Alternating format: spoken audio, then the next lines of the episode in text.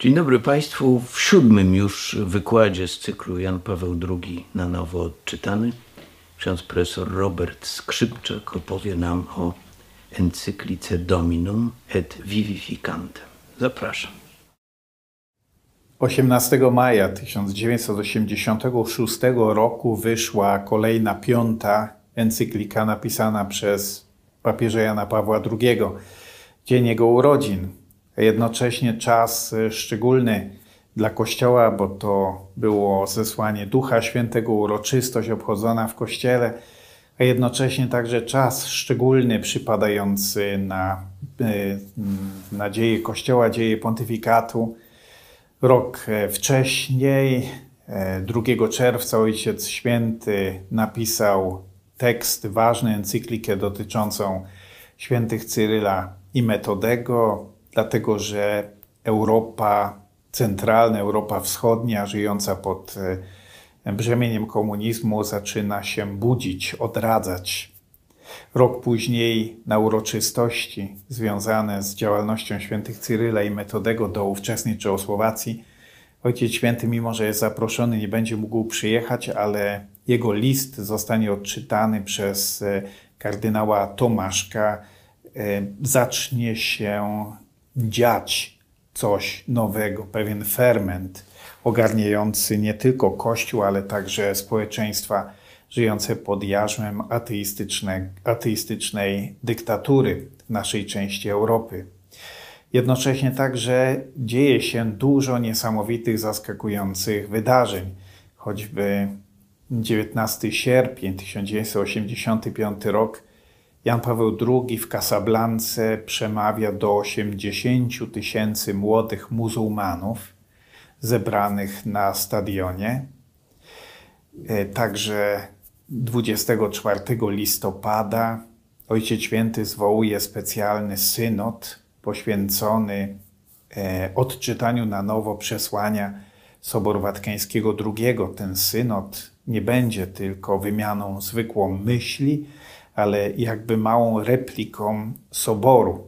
To znaczy, będzie w podobny sposób przebiegał jak sam sobór w fazie przygotowawczej, potem liturgicznej, następnie także e, w pracy w grupach. 13 kwietnia 1986 roku Ojciec Święty po raz pierwszy w znanej nam historii papiestwa przekroczy mur synagogi rzymskiej zwracając się do Żydów e, słynnym e, zwrotem, określeniem starsi bracia wierzę. I e, po wydaniu już encykliki poświęconej Duchowi Świętemu dojdzie 27 października do mm, nie mniej słynnego, może jeszcze bardziej słynnego spotkania w Asyżu przedstawicieli największych religii świata, zaproszonych przez Ojca Świętego na Światowy Dzień Modlitw o pokój. Y, zatem encyklika poświęcona Duchowi Świętemu jest y, jakby szczególnym momentem samoświadomości Kościoła y, dotyczącym roli, znaczenia, misji Ducha Świętego w tym właśnie momencie, jaki przeżywa Kościół i świat. Potrzeba było takiej pogłębionej refleksji dotyczącej Ducha Świętego, zwłaszcza w kontekście 20 e, lat wcześniej zakończonego Soboru Watykańskiego II. Na soborze Karol Wojtyła brał czynny udział jako jeden z ojców Kościoła. Jak dzisiaj się okazuje, był ostatnim ojcem soborowym, e, który e, został mm, wyniesiony na tron Piotrowy. E, Sobór był momentem szczególnej łaski. Sam Karol Wojtyła nazywał go seminarium Ducha Świętego. Myśmy przeżyli coś w rodzaju małej pięćdziesiątnicy, zresztą intencją Jana XXIII, który otwierał Sobór, było, żeby Kościół przeżył coś w rodzaju nowego zesłania Ducha Świętego. E, nie przez przypadek właśnie Ojciec Święty wybrał datę uroczystości zesłania Ducha Świętego na opublikowanie swojej encykliki dotyczącej roli, znaczenia, misji Parakleta. E, tą encykliką także Ojciec Święty dopinał, jakby w jedną klamrę, mm, pewien tryptyk związany ze swoimi wypowiedziami w encyklikach dotyczący działania Boga jako Trójcy Świętej. Po encyklice poświęconej Chrystusowi jako odkupicielowi człowieka, Redemptor hominis, a także po encyklice e, dedykowanej miłosierdziu Bożemu, która podkreślała ojcostwo Boga, Dives in misericordia, Bóg bogaty w miłosierdzie, przyszła kolej na e, dokument, który podda głębokiej refleksji działanie, rolę, osobowość trzeciej osoby Trójcy Świętej, Ducha Świętego. Idea jedynego Boga, Trójcy Świętej, Ojca i Syna, Ducha Świętego to jest pierwszy i najważniejszy dogmat chrześcijaństwa, wiodąca prawda wiary. Bóg e, nie jest samotnikiem, Bóg nie jest pojedynczym absolutem, ale jest miłością osób. Jest boską ekspresją wzajemności. E, osobami, które e, łączone są więziami, więzami dawania się i przyjmowania. Teologia to nazywa perychorezą. A z drugiej strony temat Boga jako Trójcy Świętej jest tematem wciąż mało zrozumianym także przez samych katolików. W czasach trwania Soboru Watykańskiego II jeden z jego ekspertów, czołowych teologów XX wieku, Karl Rahner, mówił nawet z przekąsem, że gdyby usunąć z wielu książek czy katechizmów pojęcie Trójcy Świętej, to i tak wielu katolików by być może nawet e, nie zwróciło na to uwagi. E, Pan Bóg często występuje w liczbie pojedynczej, jest traktowany jako jedna osoba, jeden byt, albo też e, jedno pojęcie. Natomiast Trójca Święta, która działa jako Ojciec, Syn, Duch Święty, jest wciąż nieustannie trwającą nowością nie tylko dla katolików, ale także wyzwaniem dla wszystkich ludzi na świecie. No dość powiedzieć, że e, tajemnica Trójcy Świętej to jest nieustanny kamień zgorszenia i niezgody naszej, choćby z, wyz z wyznawcami judaizmu. Trudno im się pogodzić z tym, jakoby e, Adonaje Had, Bóg, który jest jeden, miał mieć syna. No nie mówiąc już o muzułmanach, którzy absolutnie odrzucają treść objawienia Bożego e, w chrześcijaństwie, nie mogąc także zaakceptować pojęcia innego jak e, Boga, który jest niedosięgłym, niedostępnym, e, samotnym, jedynym absolutem. Trwały także wtedy spory teologiczne ciągle dotyczące Ducha Świętego. E, spór trwający wieki całe o pochodzenie Ducha Świętego, czy od Ojca, czy od Ojca i Syna, spór trwający między chrześcijańskim wschodem i zachodem i nowy spór, który został wywołany tak zwaną teologią pluralizmu religijnego, teologią, która e, rozpoczęła swoją karierę na, na końcu XX wieku, teologię, która oddzielała posłannictwo Jezusa Chrystusa od e, misji Ducha Świętego, jakoby Duch Święty był tajemniczym pneumą wchodzącym w jakąś pustkę między odwiecznym Słowem Boga a historyczną manifestacją Jezusa Chrystusa.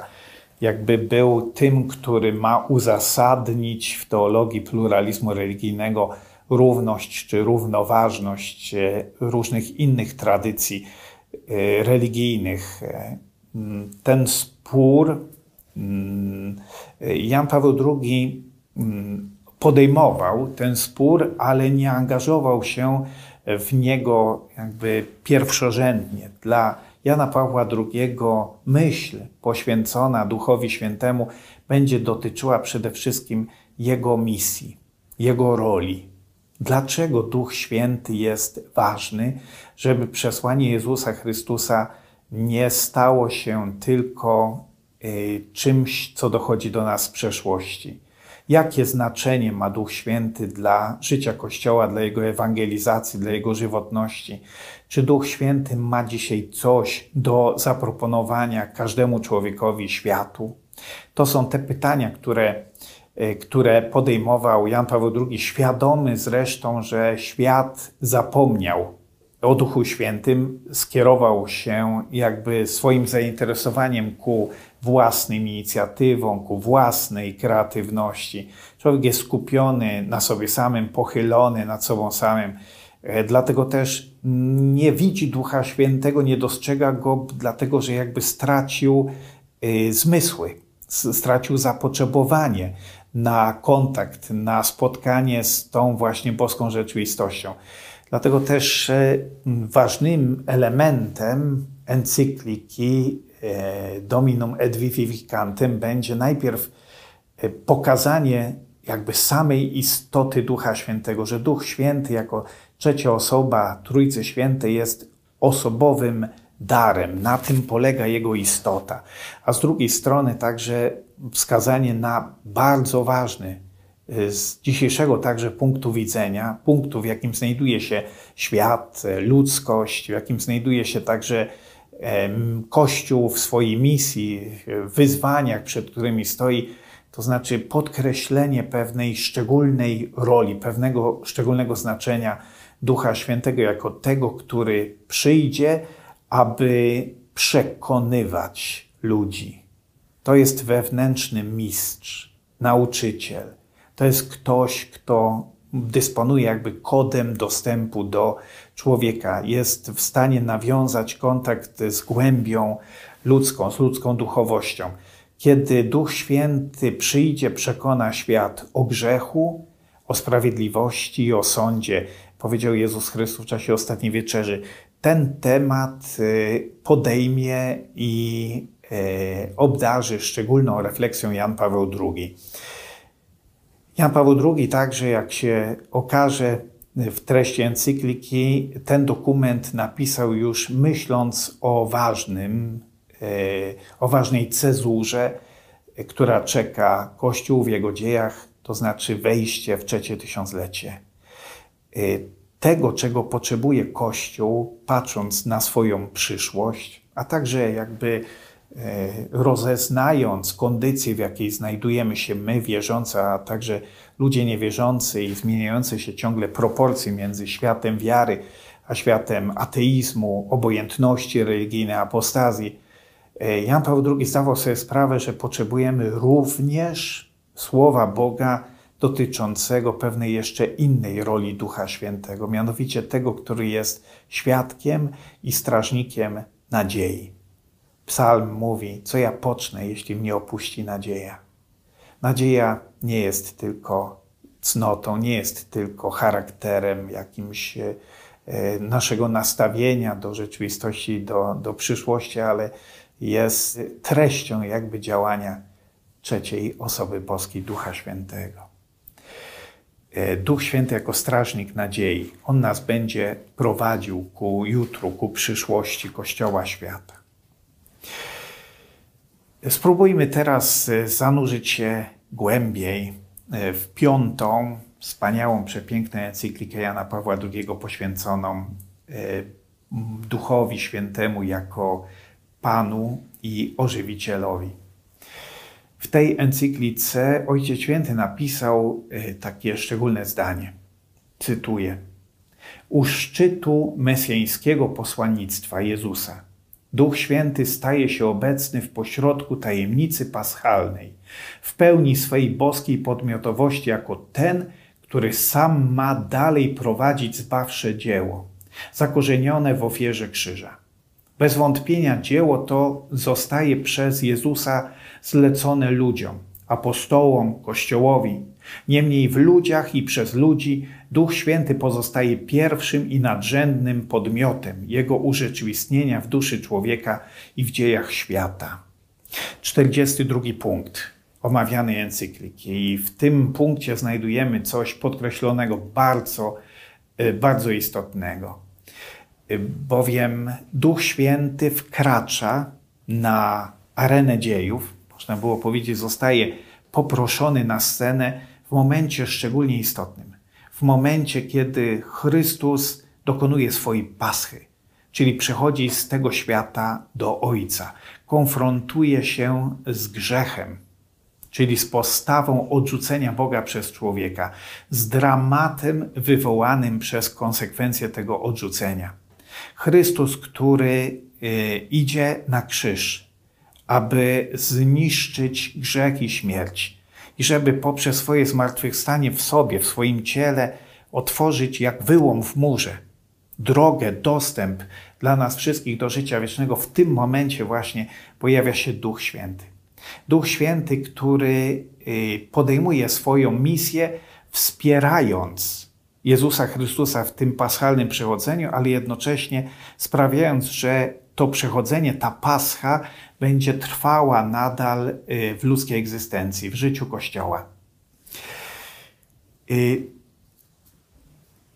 ostatni sobór, w którym brał udział Karol Wojtyła, a także papieże ostatniego okresu Kościoła bardzo często wracają do tego tematu. Mianowicie potrzeba wrócić do korzeni nauczania chrześcijańskiego o Duchu Świętym. Papież Paweł VI, siedem lat po zakończeniu soboru, w czasie jednej z audiencji, powiedział coś takiego.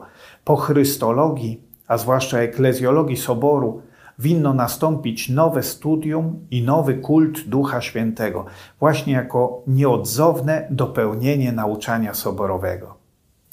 Mamy więc do czynienia w tym momencie myśli chrześcijańskiej zachodniej jakby z problemem pewnego zapomnienia o Duchu Świętym.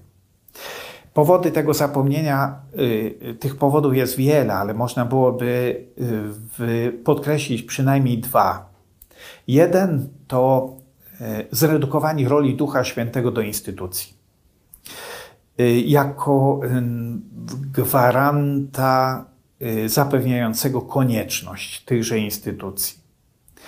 Element charyzmatyczny, poprzez który wyjawia się, przejawia się Duch Święty, został jakby przyćmiony poprzez instytucję. Duch Święty y, służy do uzasadniania poczynań i wiodącej roli hierarchii. Drugi powód tkwi jakby w samej wizji Trójcy Świętej. Mianowicie w myśli zachodniej dominuje myśl, że jeśli Bóg interweniuje w dzieje świata i człowieka, to interweniuje jakby y, w, w całości jako Trójca Święta od strony swojej istoty. Mało jest podkreślane znaczenie, rola, jaką odgrywa każda z poszczególnych osób y, y, w dziejach zbawienia.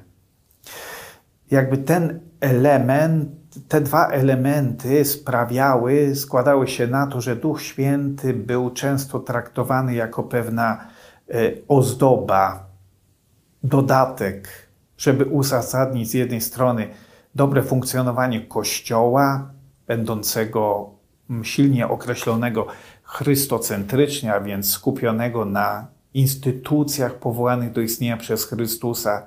Duch Święty miałby instytu tym instytucjom nadawać wiarygodność i ożywiać, a z drugiej strony gdzieś nikła była ukryta wciąż rola działania Ducha Świętego za takim właśnie y, spoglądaniem na Pana Boga nie od strony osobowej, jego działania, tylko od strony istotowej. Cały Bóg, cała Trójca Święta.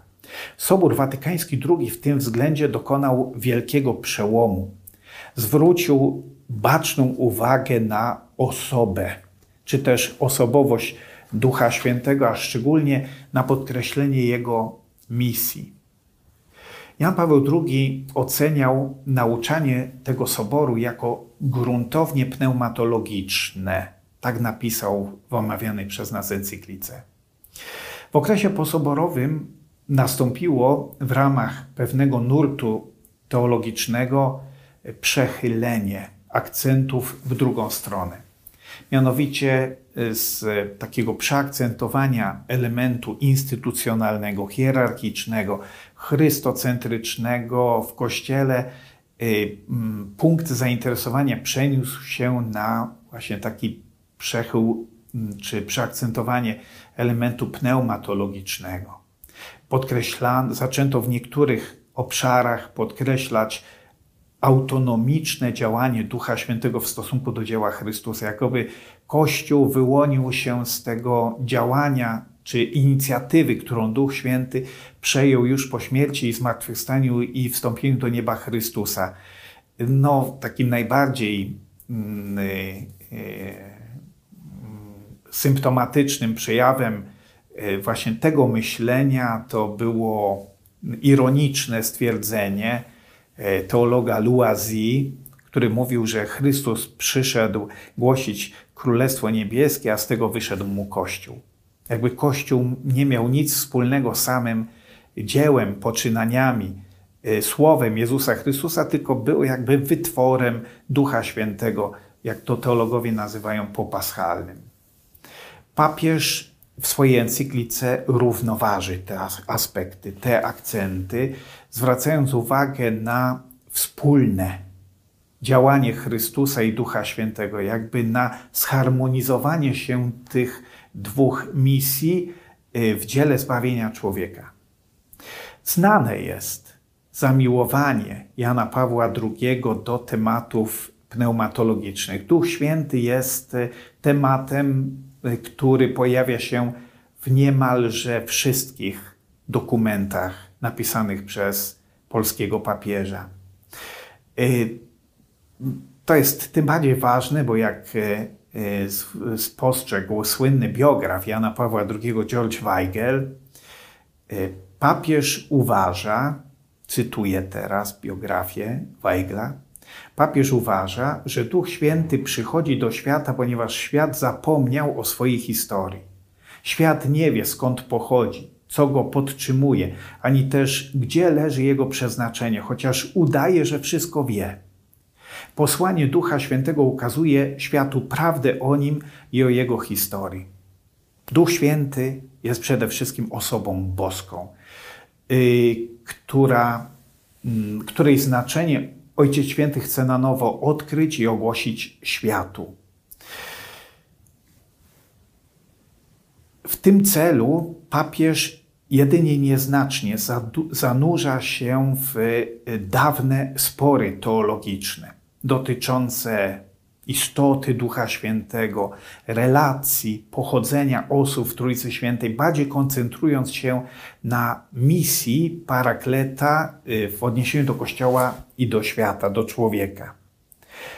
Y, w tym względzie, jak, jak mówił George Weigel, odpowiadała mu rola wykształconego pasterza pragnącego ożywić w swoim ludzie nabożeństwo do Ducha Świętego, a nie praca profesora starającego się wygrać spór. Odmawiając e, wyznanie wiary, odwołując się do credo Kościoła katolickiego, musimy e, za każdym razem odnieść się do tego, co przed 1600 e, z górą laty zostało stwierdzone i sformułowane podczas Soboru Powszechnego w Konstantynopolu w 381 roku. Wówczas to właśnie po raz pierwszy wybrzmiały te słowa: Wierzę w Ducha Świętego, Pana i Ożywiciela, który od Ojca i Syna pochodzi, który z Ojcem i Synem wspólnie odbiera uwielbienie i chwałę, który mówił przez proroków. Właśnie na ten sobór powołuje się Jan Paweł II aby podkreślić fakt, że właśnie wtedy została dobrze wyjawiona i opisana tajemnica Ducha Świętego, jego pochodzenie od Ojca y, i potwierdzenie jego jedności i równości w bóstwie wraz z Ojcem i Synem Bożym.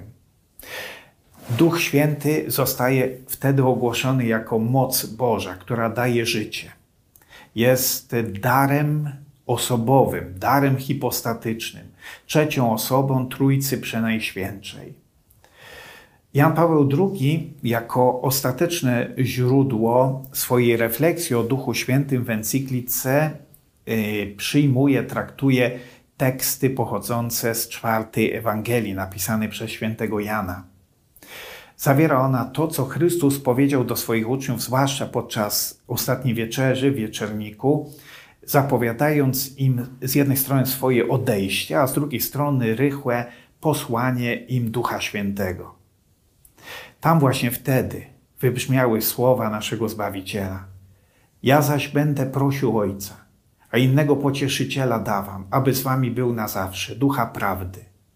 A także, gdy jednak przyjdzie pocieszyciel, którego ja wam poślę od Ojca, duch prawdy, który od Ojca pochodzi, on będzie świadczył o mnie. Papież zauważa y, też, że w objawieniu biblijnym Ojciec i Duch Święty występują wyraźnie jako osoby. Z jednej strony jedna odrębna od drugiej i trzeciej. O Duchu Świętym Jezus mówi, posługując się zaimkiem osobowym. On, a równocześnie też podkreśla więzi istniejące między y, osobami boskimi. I tak, według Jezusa, duch od Ojca pochodził. Ojciec daje ducha. Ojciec posyła ducha w imię syna. Duch będzie świadczył o synu. Syn prosi ojca o posłanie ducha pocieszyciela, ale też mówi: Jeżeli odejdę, poślę go do was. A zatem, jak pisze Ojciec Święty w swojej encyklice, Ojciec posyła Ducha Świętego mocą ojcostwa, podobnie jak posłał Syna. Równocześnie zaś Duch zostaje posłany przez Ojca w mocy odkupienia dokonanego przez Chrystusa. I w tym znaczeniu Duch Święty zostaje posłany również przez Syna. Papież mocno podkreśla w swojej encyklice znaczenie odkupienia ludzi w posłaniu Ducha Świętego.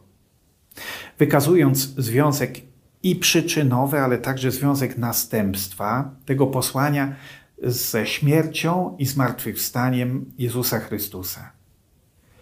Duch Święty pojawia się na arenie dziejów po i za sprawą odkupienia. Papież w swojej encyklice bardzo mocno chciał podkreślić ten fakt, że Duch Święty wchodzi na arenę dziejów w kontekście dziejącej się Paschy Chrystusa, czyli w kontekście dziejącego się odkupienia, śmierci i zmartwychwstania Chrystusa. Duch Święty przyjmuje inicjatywę, pojawia się w chwili, kiedy Chrystus y, bierze na siebie grzech ludzkości, tego świata. Idzie na krzyż, żeby zniszczyć śmierć i otworzyć w sobie nową drogę, nowy dostęp dla ludzi do życia wiecznego, nieśmiertelnego. Dlatego można byłoby powiedzieć, powiedzieć za Janem Pawłem II, że w swoim życiu wewnętrznym Bóg jest miłością. I duch w swojej istocie nosi właśnie e, miłość jako najważniejszą cechę, jakby kwintesencję e, swojej, e, swojej boskiej istoty. Duch Święty, pisze Jan Paweł II, jest osobowym wyrazem tego bycia miłością. Jest osobą miłością i jest osobą darem. To jest właśnie ten główny, pierwszy temat który wyłania się z encykliki Jana Pawła II. Nawiązuje Ojciec Święty w tym do świętego Tomasza Zakwinu, który twierdził, że przez Ducha Świętego Bóg bytuje na sposób daru. Więc jako wzajemna osobowa wymiana między osobami, Duch Święty staje się całkowitym darem, jako osoba miłość, jako osoba dar jest, mówiąc dalej językiem świętego Tomasza Zakwinu, jest e, darem niestworzonym, jako źródło ludzkiej przemiany, jako źródło przeprowadzenia człowieka ze śmierci do życia, z grzechu do wolności. E, I e, w związku z tym jest także twórcą wewnętrznym, autorem tego, co święty Tomasz Akwinu nazywał łaską stworzoną, czy darem stworzonym, czyli naszą wewnętrzną przemianą, zwycięstwem, które człowiek może odnieść nad grzechem i nad swoją zranioną grzechem naturą, egoizmem. Jan Paweł II, rozważając e, misję Ducha Świętego, zestawia więc kategorię osoby boskiej Ducha Świętego z darem. E, posłannictwo Ducha Świętego jest zawsze u Jana Pawła II rozważane integralnie z zamysłem, czyli z planami Boga Ojca, a także z dziełem zbawczym Chrystusa oraz y, z misją, która dzisiaj spoczywa na chrześcijanach, czyli na Kościele. Posłanie Ducha Świętego Jan Paweł II nazywa nowym obdarowaniem ludzkości Duchem Świętym, albo też nowym początkiem zbawczego udzielania się Boga w Duchu Świętym. Lecz w dziejach ludzkości pojawia się grzech, yy, będący przeciwstawieniem się, bądź też oporem wyrażonym wobec tego samo udzielenia się, otwarcia się, wyjścia naprzeciw nam Boga. Nie przekreśliło to yy, obecności Ducha Świętego w, w, stworzeniu, ale jakby sprowokowało jego nową interwencję, nową inicjatywę, Y, właśnie tę inicjatywę, która pojawia się w dziejach ludzkości w kontekście y, krzyża Chrystusowego zatkniętego na górze Golgocie. Y, to jest bardzo znamienne i bardzo mocno podkreślane w encyklice Jana Pawła II, że właśnie wydarzenie paschalne Chrystusa staje się kontekstem pojawienia się Ducha Świętego jako osoby i jako dary, daru. Bóg odsłania jakby w Duchu Świętym swoją najgłębszą istotę. Istotą miłości jest nie tyle uczucie, co podarowanie się, uczynienie ze swojej własnej egzystencji bezinteresownego daru samego siebie. Duch Święty przychodzi, żeby w nas coś takiego urzeczywistnić, do czegoś takiego nas uzdolnić. Tego człowiek nie jest w stanie sam osiągnąć. Dlaczego? Właśnie o tym będzie traktowała druga część encykliki papieskiej. Duch Święty, jeszcze dopowiem do tego, obejmuje całe życie, wszystkie słowa i działania Jezusa Chrystusa. Każdy jego czyn jest e, w jakiś sposób wzmocniony, towarzyszony przez Ducha Świętego, zwłaszcza w samym wydarzeniu wcielenia gdzie na Maryję spoczywa Duch Święty. I to mocą Ducha Świętego y, druga osoba Trójcy Świętej pojawia się na świecie jako Jezus Chrystus. Prawdziwa boska natura łączy się z prawdziwą ludzką naturą w jednej osobie Syna Bożego w łonie Maryi. Jan Paweł II właśnie tę tajemnicę wcielenia, to co się dzieje na początku w łonie Maryi, potem co daje początek misji Chrystusa, będzie nazywał zenitem obdarowania. Jakby to jest punkt kulminacyjny y, tego objawienia się Boga, który przychodzi, żeby się mm, odsłonić. Więcej jeszcze, żeby nawiązać z człowiekiem relację, która stanie się dla człowieka relacją najbardziej korzystną ze wszystkich relacji możliwych na świecie. Relacją, która go obdarzy życiem wiecznym. Dlatego w tym miejscu właśnie pojawia się Duch Święty, odsłaniając jakby samą głębię boskiej esencji, boskiej istoty, natury. On jest darem. Pomiędzy posłaniem Chrystusa i posłaniem Ducha Świętego nie ma żadnej sprzeczności. Te dwie misje łączą się i mm, pokazują w świetle krzyża i zmartwychwstania Jezusa Chrystusa. Także Ojciec Święty, posługując się też taką piękną grą słowną, powie w swojej encyklice, że misja Chrystusa jakby wyczerpuje się w dziele odkupienia, natomiast misja Ducha Świętego będzie z tamtej misji czerpać.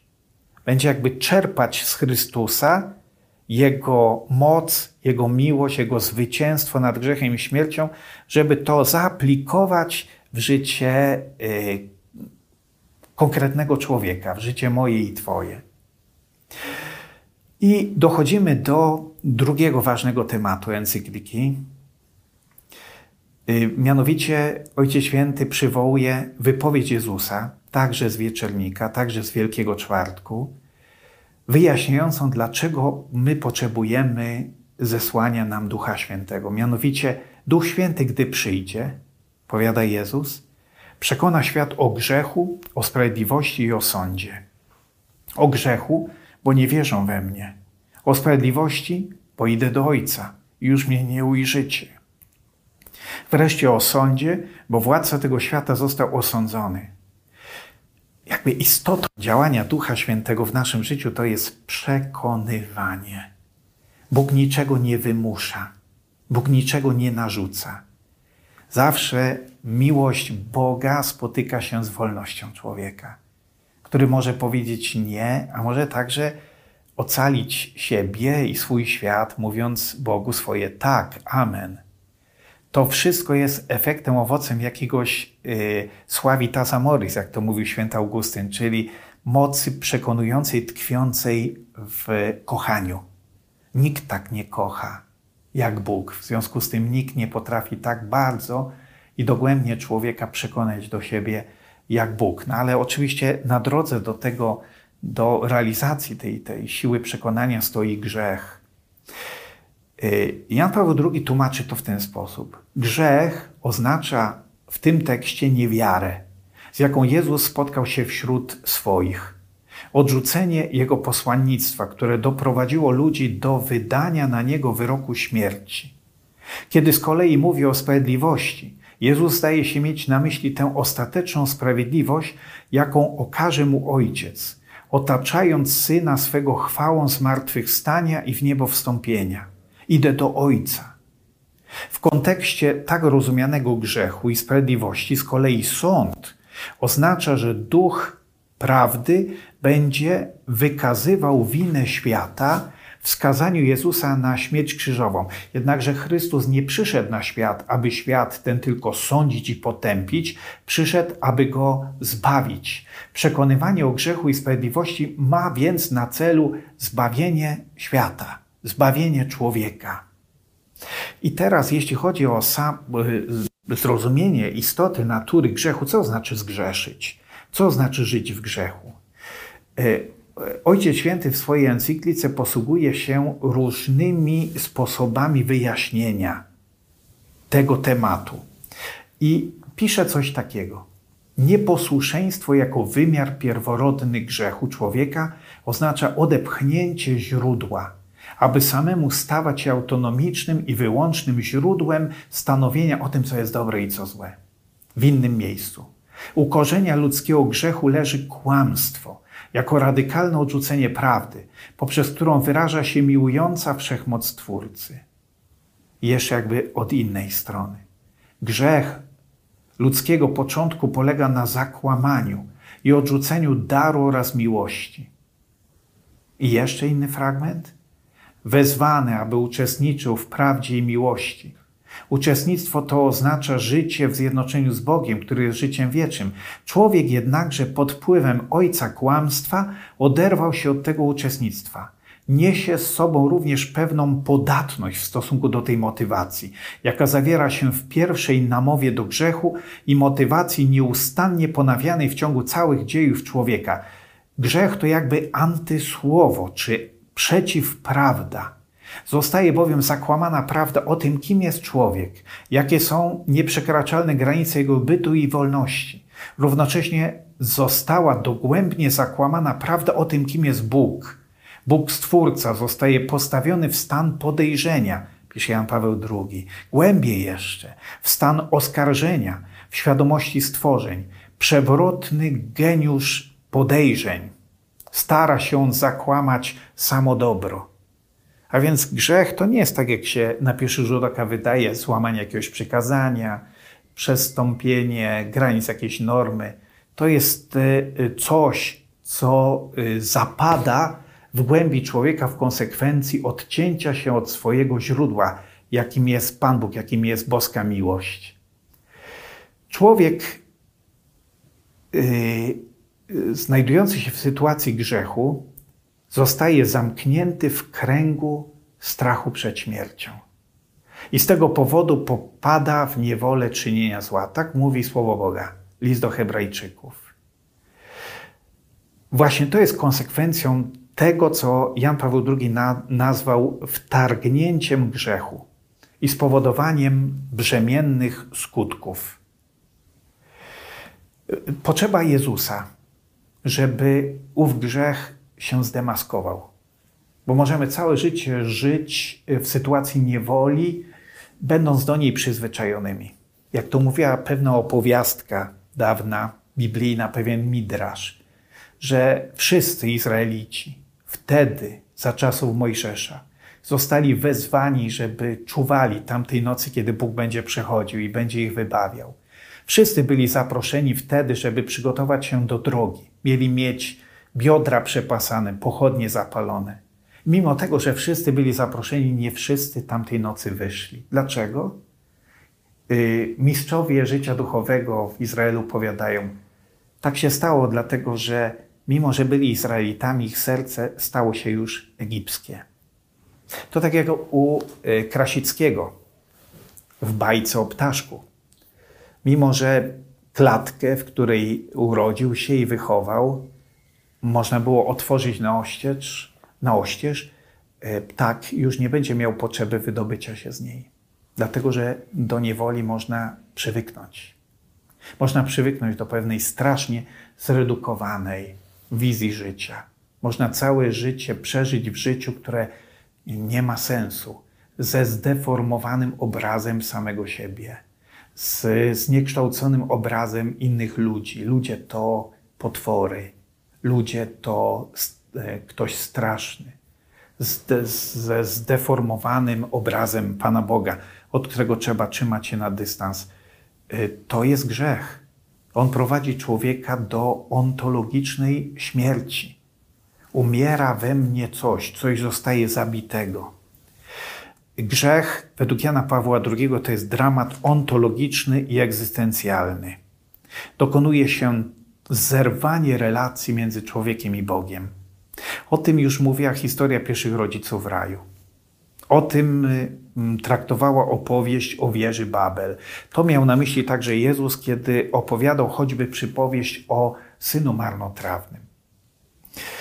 Destrukcja więzi to jest skutek powiedzenia Bogu nie.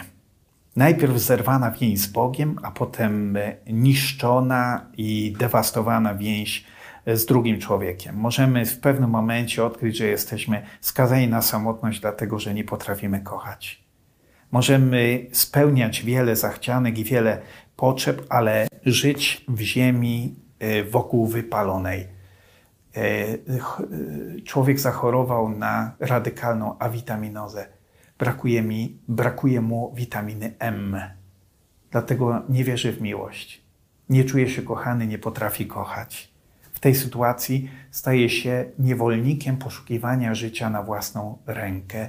Dlatego zaczyna kierować się albo afektywnym przylgnięciem do rzeczy, albo resentymentem, albo też zaczyna ubóstwiać przedmioty, które miały służyć jego urzeczywistnieniu się w planach Bożych.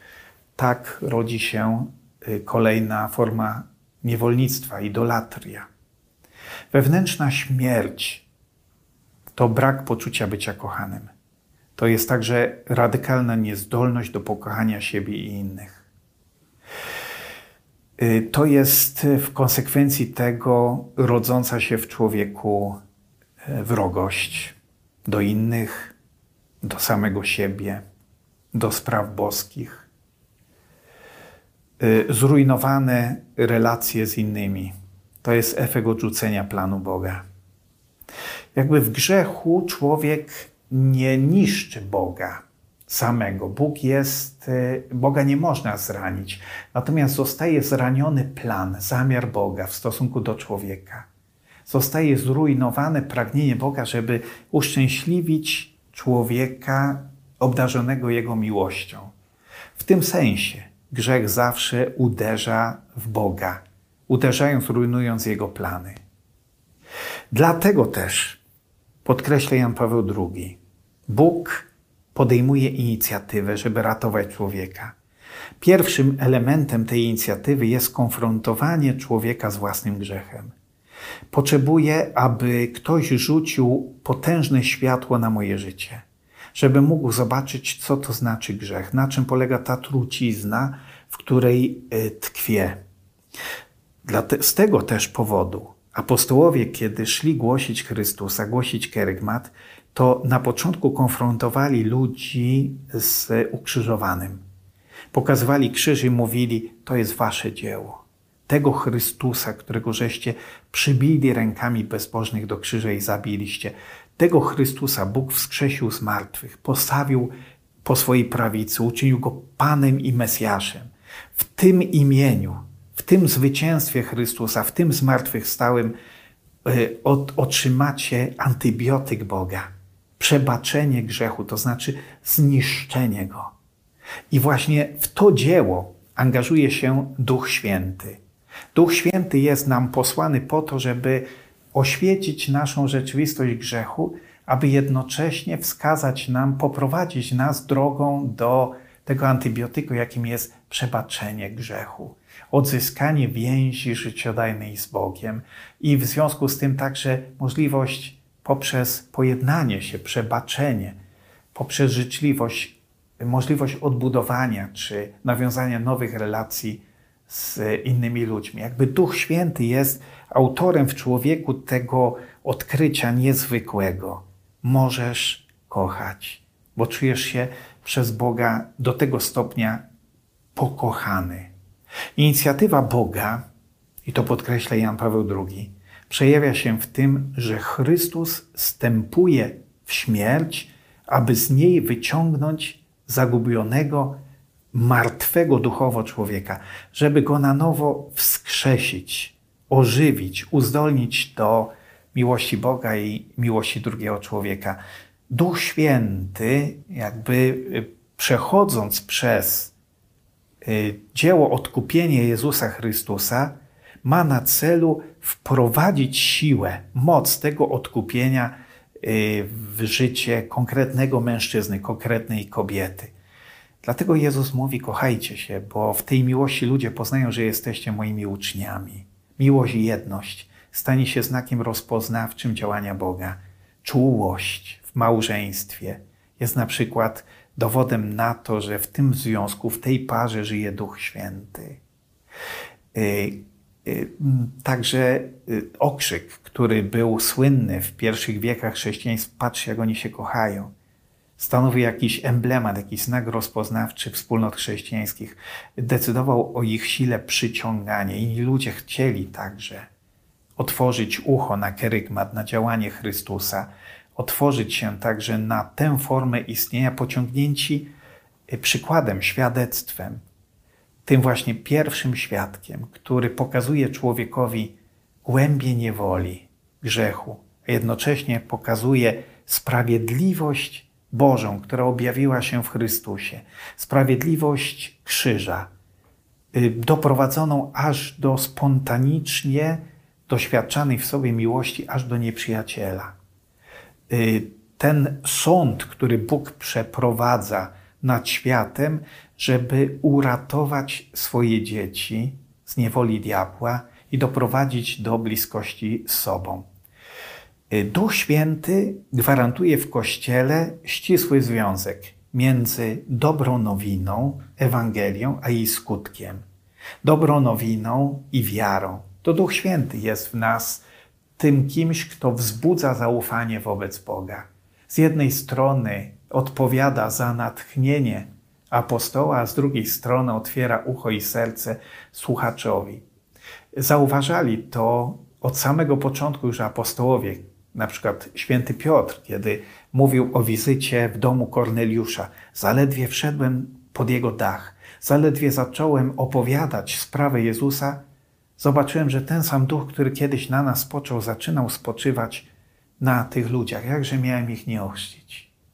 Ta ścisła więź Ducha Świętego z ewangelizacją, ze świadectwem, na które zdobywają się wierzący w Chrystusa. Duch Święty jest tym, który rozlewa w sercach ludzi i nadzieję, i świętość. Zaświadcza o zwycięstwie Chrystusa nad grzechem i śmiercią żadna siła propagandy, żadne środki oddziaływania podprogowego, żadne, mm, żadna uwodząca moc, moc mediów nie jest w stanie dotrzeć do tych martwych miejsc w człowieku, które może ożywić tylko Duch Święty.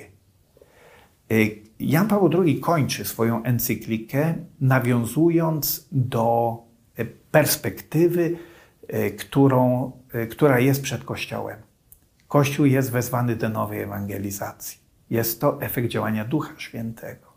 Kościół podjął swoje, swoją refleksję nad sobą samym. Eklezja, quod dicis de te ipsa. Na początku Soboru Watykańskiego II pytali się, zadawali sobie to pytanie ojcowie Soborowi, Kościele, co mówisz o sobie samym? Czym jesteś? Kim jesteś? Odkrycie na nowo powołania chrześcijańskiego, odkrycie na nowo najgłębszych motywów y, zaniesienia Ewangelii y, w życie, y, w środowisko, w kulturę innych ludzi. Bycie, poczucie się posłanym na nowo przez Jezusa Chrystusa w, w, kolejnym pokoleniu. To jest działanie Ducha Świętego. Dlatego też encyklika którą napisał Jan Paweł II w 1986 roku, 14 e, lat przed e, wielkim jubileuszem chrześcijaństwa i 14 lat przed wejściem czy przejściem Kościoła przez bramę trzeciego tysiąclecia. Zawsze, kiedy idziemy w przyszłość, idziemy w niewiadomą. Przyszłość do nas nie należy, nie wiemy, co, się, co nas czeka. Ale to, co jest zawarte jakby w w, w, w zamierzeniu Ojca Świętego, który przyłożył się do spisania encykliki Dominum et Vivificantem, jest wielkie wołanie o nowe zesłanie Ducha Świętego. By mogło to nastąpić, potrzebne jest otwarcie ludzkiego serca wobec daru, wobec samoudzielenia się Boga w Duchu Świętym. Ojciec Świętym pisze w encyklice: Celebrowanie przyjścia Chrystusa – i otrzymanego w nim daru życia wiecznego oznacza jednocześnie ogarnąć całe działanie Ducha Świętego, wszystkie Jego powiewy i wszystkie Jego impulsy. Ewangelizacja. Pierwsze zadanie Kościoła. O tym mówi Ojciec Święty w tej encyklice i w, i w kolejnych swoich dokumentach. Prowadzi Kościół i człowieka do odnowienia jerozolimskiej pięćdziesiątnicy. Aby misja chrześcijańska w pełni się powiodła, należy ustawicznie odwoływać się w ewangelizacji do Ducha Świętego, aby trwała w nas nieustannie pięćdziesiątnica. I Ojciec Święty kończy całą tą piękną, głęboką refleksję pneumatologiczną czymś bardzo konkretnym. Pisze na sam koniec – naszej trudnej epoce szczególnie potrzebna jest modlitwa, która wprost bądź nie wprost została tchnięta w serce człowieka. Modlitwa, w której duch i oblubienica mówią: przyjdź. Modlitwa, w której strażnikiem nadziei w sercach ludzkich jest Duch Święty. Dziękuję serdecznie.